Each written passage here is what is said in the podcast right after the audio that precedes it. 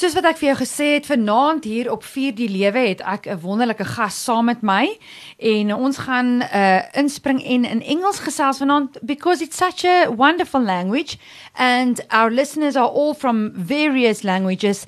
So let's welcome John Grobler in the studio. Welcome to the show. Thank you. It's a privilege. John, uh, without further ado, we're going to jump in our conversation tonight. It's about assertive communication, but I know that our listeners first want to know who is this John guy that's in the studio. So tell us a little bit about yourself, where you grew up, and what you studied, and um, specifically how the Lord got hold of you. I, my journey with God started at the age of I think eleven. Uh, because I didn't grow up, my experience of life until then was not pleasant. I walked around with a lot of pain, and the universe felt dark and cold. And I just one day said, God, if you're there, show yourself to me. And, and I just experienced the, the, the pain and the brokenness. And it was three days later, I, I, I just reading the story of Jesus. And he said, If you believe in me, you'll live forever. And I read that and I said, Okay, well, Jesus, I believe in you and all that pain and the, that sense of aloneness it just dissipated.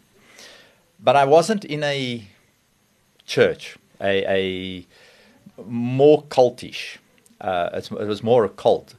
And uh, from there uh, not having christian friends or having christian influence i went through my teenage years. I i, I went into eastern mysticism toyed with buddhism uh, being master of your own destiny, all of that. We suffered. We went. Our family had a huge tragedy, which all of that did not answer the questions. And my cry then immediately was, if God is a God of love, why? And um, out of that, I then went the occult route. But after my high school years, I was in the military, and I don't know how it happened. I just realized my life is imploding and I need to speak to a padre. I didn't know who or what that was, so I went to go and speak to him, and then he shared the gospel with me. And then I realized that what he was telling me, I needed to become one of those people I hated and despised at school. So hmm. it took a while. God first delivered me from stuff. And then as I continued on the journey, a, a another pastor one day in the military just said to me, You came to speak to me and he just asked me out how am I, what's going on, and I said I don't know. And when I told him what had happened, he said to me I must come and speak to him. And then they shared the gospel with me and said, "Well, again, you, again, yes, because you have heard the gospel then." It, and it just I did not grasp it fully. And then he said, "Well, you need to give your life to Jesus, or you're going to walk away. But no, you might never get the chance again, and then you die." And I was like, "Okay, well." Let me just make the obvious choice. And then he said, pray. I had no idea what I was doing. I prayed, but that day, wow. Hmm. The Lord changed My life your life. changed forever. Wow. Hmm. And um, how has your this journey been? Obviously, we live with ups and downs in our lives. Hmm. Um, and you're married. Yes. And uh, I take it that your family are also serving the Lord. Oh, we love each other. We love the Lord. We love life. Awesome. Now, that is in a nutshell um, John's testimony. Maybe we'll get a time to go into it in detail. But for tonight, we are going to go into our topic about assertive communication. So, the obvious question is what is communication? And that is a very important question. What is communication requires a clear definition. And so I think that the best definition that, that, that I found is that communication is a process that involves sending and receiving messages through verbal and non-verbal means. The word communication is a verb. It's something we do, and we are always sending out a message. But along with that, we must recognize communication is a two way interaction between people. Whether it's one person and an audience, or whether it's between just two individuals, whether it's a group and people are interacting with each other, but we're exchanging and disclosing ideas, opinions, thoughts, feelings that we have, and we are seeking to exchange uh, these are our ideas or thoughts or feelings or whatever with each other. and we also want people to understand hmm. what it is that hmm. we are trying to get them to understand. Is whether it's ideas, whether we are sharing our disappointments, heartbreaks, whatever. Uh, whether we want to persuade somebody of something, the reasonableness of an idea, or whether we want people to critique what I'm thinking, which I'm not too sure about, uh, or whether I just want to disclose something about myself in relation to a topic that we are talking about and say, well, I personally feel and think this about whatever the situation is. And, that, that is at the heart of what communication is. But there is also, it's not only me disclosing myself, at the same time, uh, when engaged in this process, I need to be listening to understand what others are seeking to communicate to me, that I can understand their ideas, their opinions, their thoughts, their feelings, that I can understand them as a human being. So it's quite a complex uh, process, but at the heart of it, that's what we want. And there are so many factors that influence uh, how we communicate as much as the content of what we are communicating. You said uh, communicating to understand, and that is really important. Um, most the most of the times we communicate or we listen to, uh, you know, to just give an answer or give a um, uh, ons wil 'n oplossing gee vir iemand. We don't really listen to understand, um, and I think that takes also skill, doesn't it, to um, really put yourself in that person's shoes and say, "Maar wat sê hulle eintlik? Um, you mentioned also what they're not saying, or your body language, or what's coming through. So, um, yeah, I'm I'm actually having a question in here that I'm not saying. and that's the challenge to when we are seeking to communicate uh, essentially we want to mean what we say and say what we mean.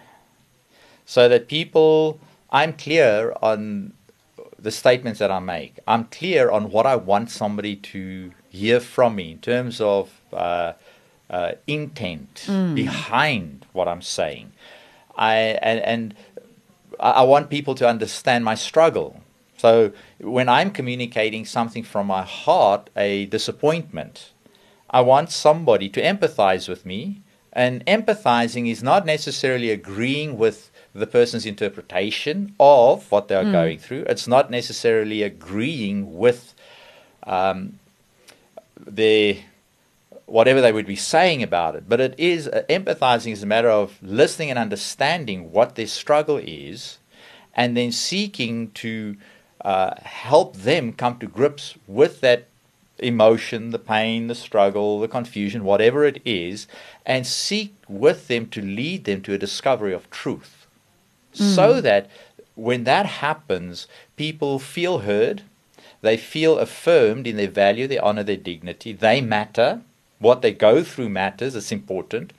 And then when we discover something, they might be wrong in their understanding, uh, and I am able to convey to them some message of truth that they recognize I've misunderstood the situation.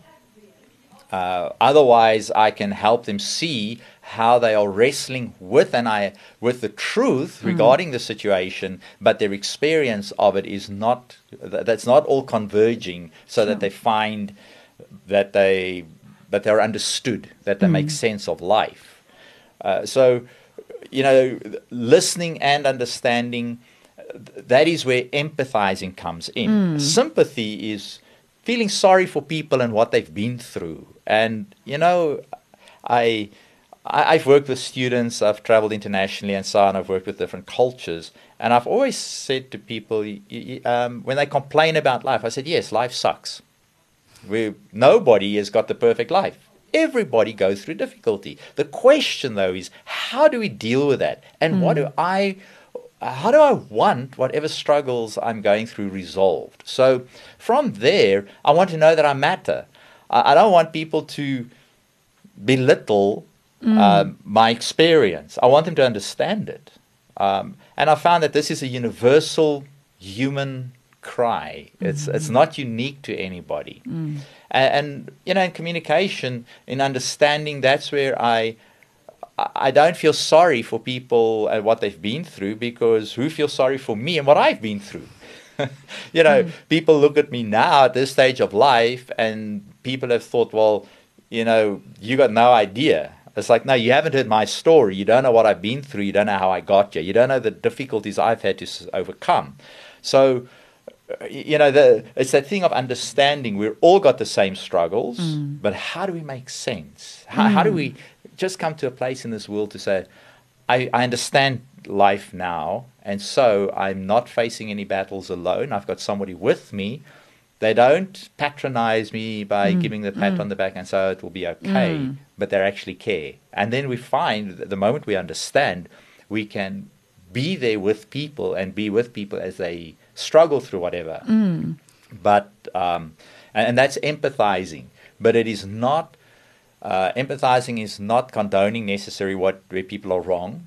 It's not condoning. Uh, uh, I'm a Christian, so I don't condone sin when so uh, you know where people are are going through hardship or difficulty. We have to deal with that. We've got to deal with it honestly, but we deal with it with empathy, and there's a big Sure. difference.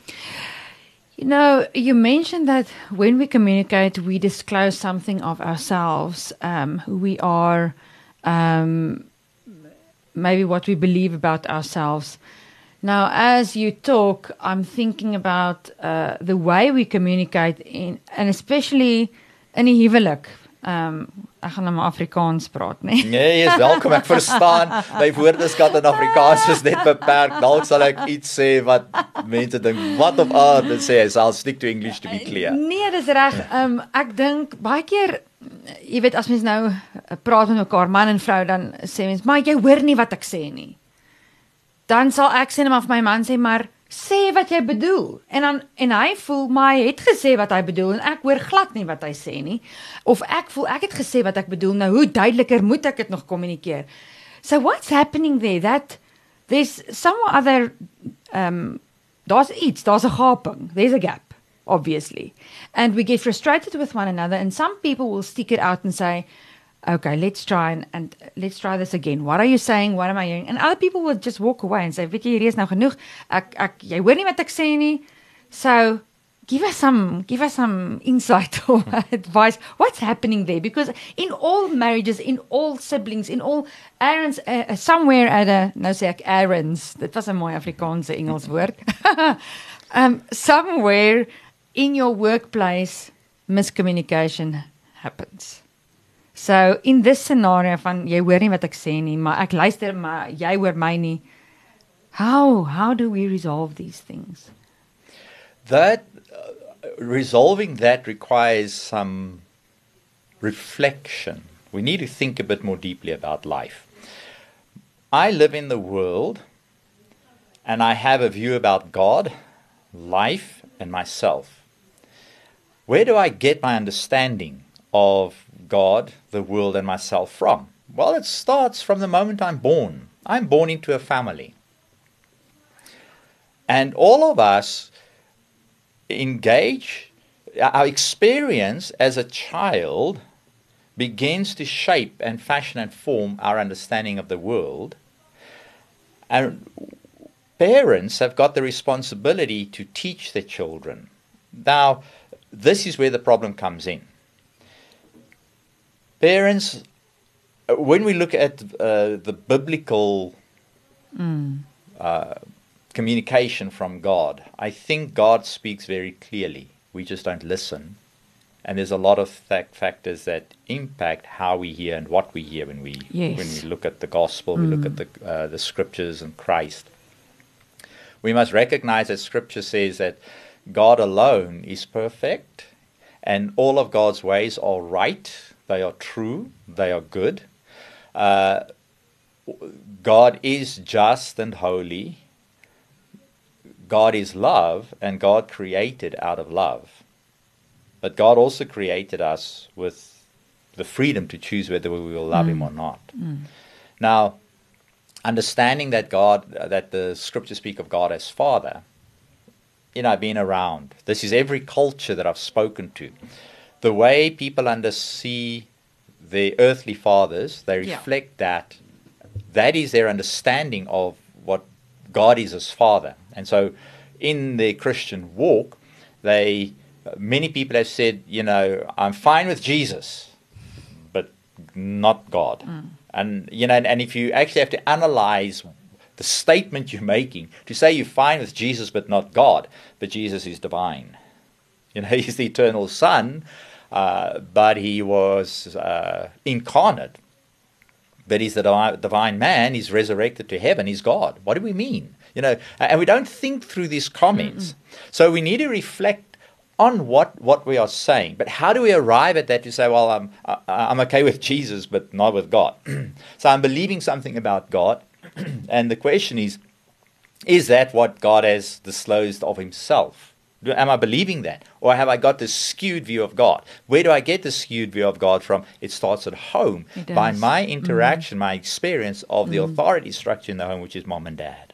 Yeah. Now, the complexity of life is this every little girl looks at her dad and thinks he's my hero. Um, and then she looks at her mom, and I, now I've got two daughters, and I know a mom and daughters. they, they, they are women. And as much as what they grow up to be young women, they are taking their cue from their mother regarding what it means to be a woman and how to engage with a man. They're taking their cue from me as their dad regarding how a man should treat them, how they, how my wife and I interact with each other, what's going to be okay mm. in their relationship.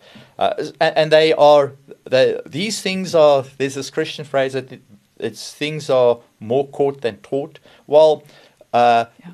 what people, that which people uh, catch, needs to be explained to them what they are seeing. Now, my question simply, and, and this is why I raised my, I, as a Christian, I raised my children uh, from an apologetic point of view. I did not appeal to the authority of the Bible to say the Bible says so you must. I, I, from the moment they were born, I spoke to them like they're human beings. And I treated them like human beings because that's what I, when I look at scripture and I understand what is a human being, I, I, I then treat them in that way. And then within this, growing up in the house, that is my first place where I begin to just understand who I am, mm. how I must engage the world. But then I look at how my parents engage the world around me. I hear what they say at home and I see what they do in public. And that is where then I, as a child, begin to interpret my place in this world. I interpret what, what, how must I engage the world outside of the home? And I look at my parents. So my parents might say something to me at home. We go out in public, and there's an inconsistency with it. Yeah. And then I begin to, I begin to fashion and shape and form my ideas about the life and the world. Uh, but I have to ask myself the question, and I've had to go on this journey because of my own childhood that was so broken. Mm. I had to rethink everything. Who is God? Who am I? And how do I understand and interpret and engage the world? Uh, th- this is the struggle and the complexity of life that we have to deal with and come face to face with. Um, so I've, I think I've said a lot. Have I answered your question? Um, I'm not hmm. sure. So we'll go back to the question. Um, so, in other words, when we have miscommunication or jy hoor nie wat ek sê nie, um, it comes from a deeper place than just jy hoor nie wat ek sê nie. Yes, it does. So, obviously, um, yeah, but how do you? Uh, I want to know how do you fix that, or how? Uh, but obviously in that moment, you're not going to go back and think, okay, what's my identity? Let's just go quickly go to the word. I mean, you're in that moment, and uh, and your your way of talking to your spouse or um, understanding or misunderstanding, yes, definitely comes from that place where you've been formed by your parents and see how they uh, handled um, uh, what is it conflict conflict. Um, so yeah how do you resolve that when you're in that situation where you feel that the person you're communicating with is not hearing what you're saying? Let me give you an example of when we say you're not hearing me. So, I would walk past my wife and I smack on the bottom as because that is just a manner of me communicating. I see you, I love you, and you know it's an from It's I- between you two. yeah, it's between us. It's Yeah. only her and I. And she immediately comes back and she says, "Moet my nie beledig nie." And I'm thinking, "Wait. Where- What's going on here? I'm not Ah. insulting you. I I, I don't understand." And then uh, uh, and I said, "But you know I love you." Yeah, what where is this coming from? And so I'm taken by surprise. And, he, and then she says to me, uh, you, you always make me feel um, like I'm just an object in the house. And I'm Wow. like, what on earth is going on here? What she's trying to say to me, what her thoughts are, if she has to go and sit down in that moment and think about what she's saying, is my father was very inappropriate towards me as a child, and I don't like it. If somebody in any way Yeah. would show physical affection Like towards me in that way, why does she not state that sentence? Because if she has to say that's what's going on here, I would immediately understand. Exactly. And so this is where we say, Marie nie. And all and she's saying and, and, and she's reacting from the place of emotion without thinking through well, what what is it that's bugging me?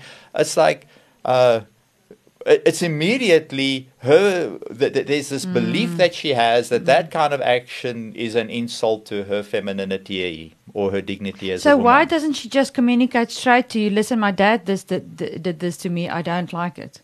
Right, and there's the question that you need to answer if you ask it. you see, and that's uh, that's what we've got to do. I have to answer. Why don't I say what I mean and mean what I say? Yeah. And you know, over the years, um, as I've helped, been working with people, trying to help them communicate clearly. Don't you? You don't. I don't have to. I don't sell myself out. I matter. I'm important. I take myself seriously, but I also don't take myself too seriously. I can laugh at myself.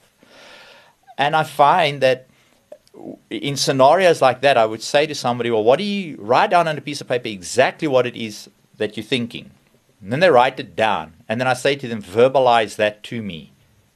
And immediately they're stuck. And I say, why can't you verbalize it? And then what comes out is, but what are you going to think of me?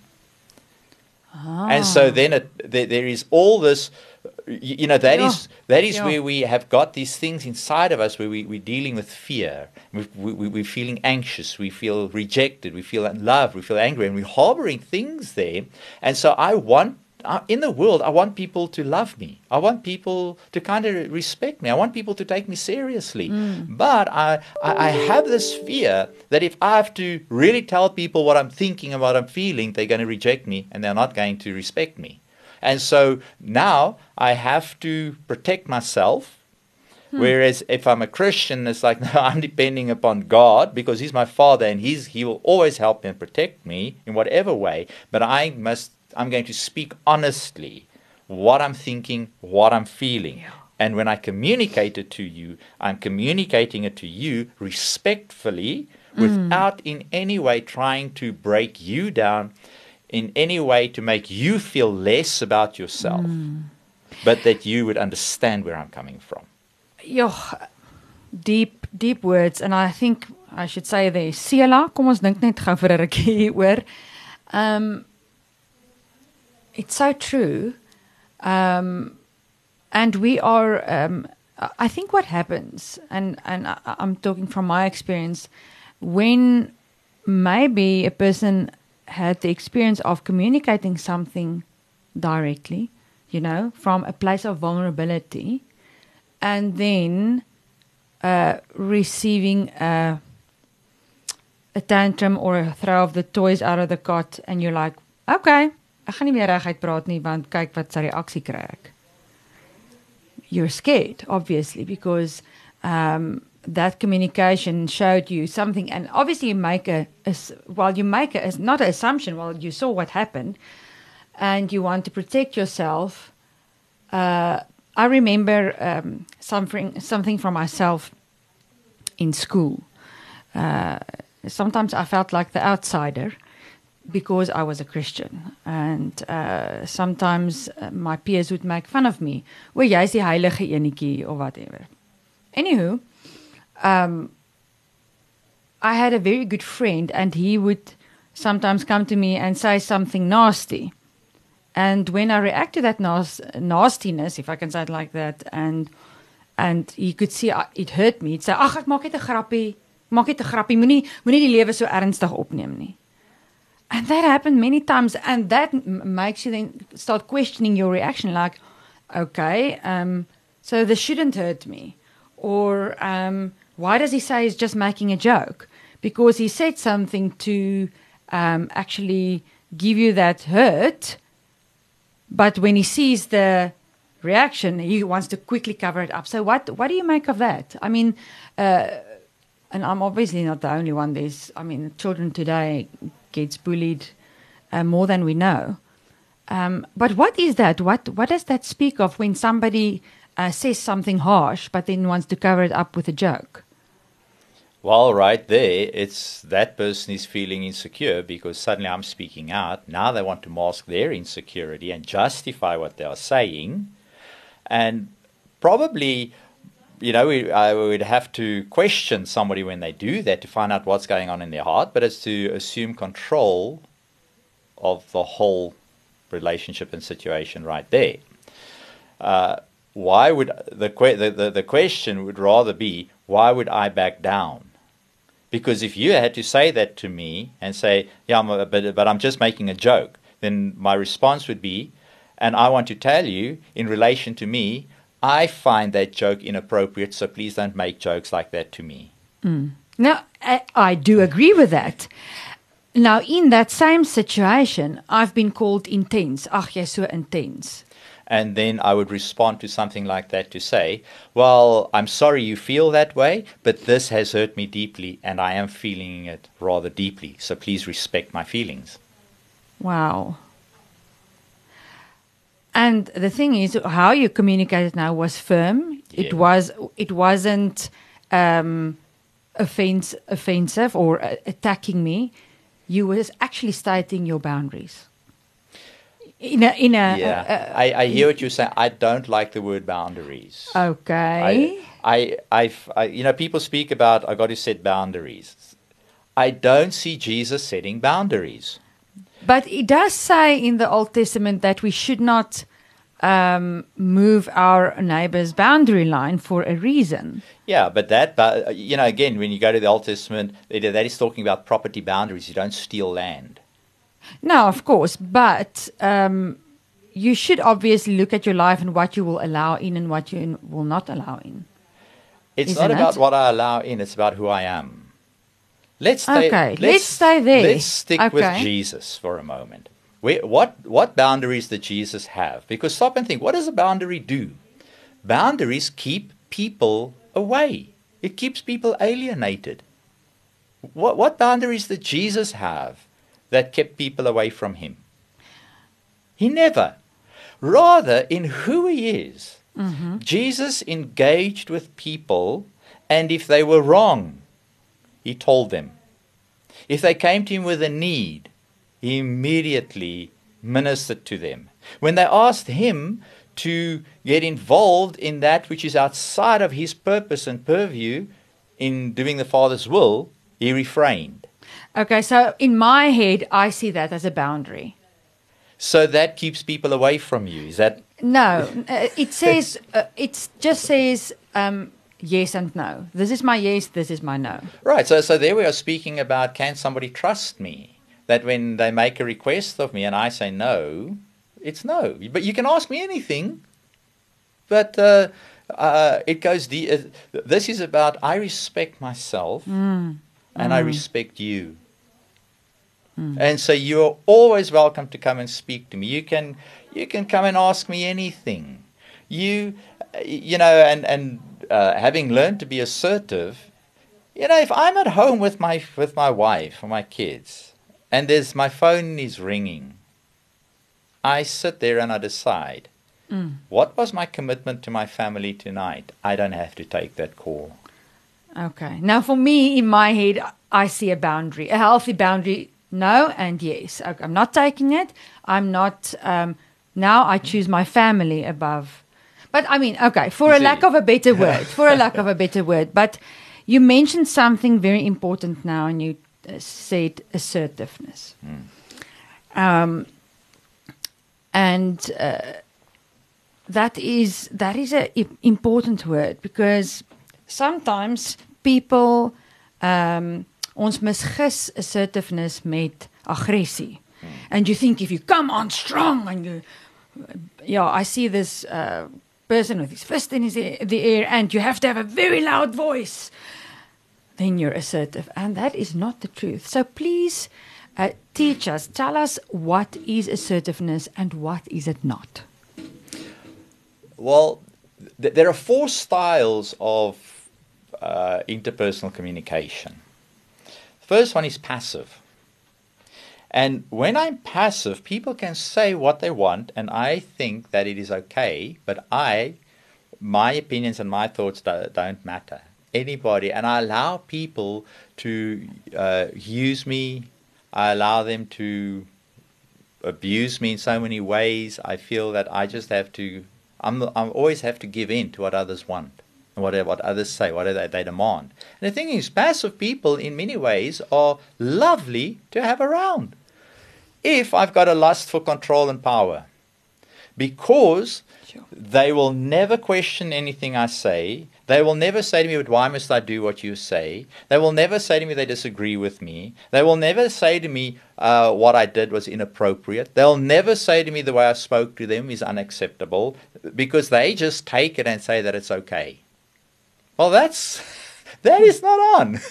Uh, now, let me just stop you there because there's so much just in that content that you just said. Okay. A, a few minutes back, you said that we are formed when we grow up as a child. We see what our parents do, we see what the people around us do, um, but especially in home, at home. So I think um, a person can become passive because what I've mentioned earlier is that you see that when you want to put yourself out there and actually say what you mean and mean what you say, um, it is met with so much anger or um, wat is die woord?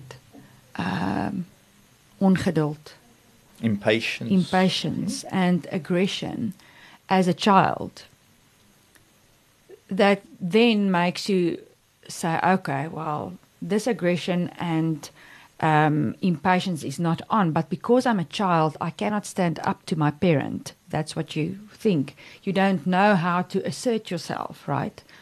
Um, so you grow up being passive because you're afraid of that uh, aggression and um, impatience.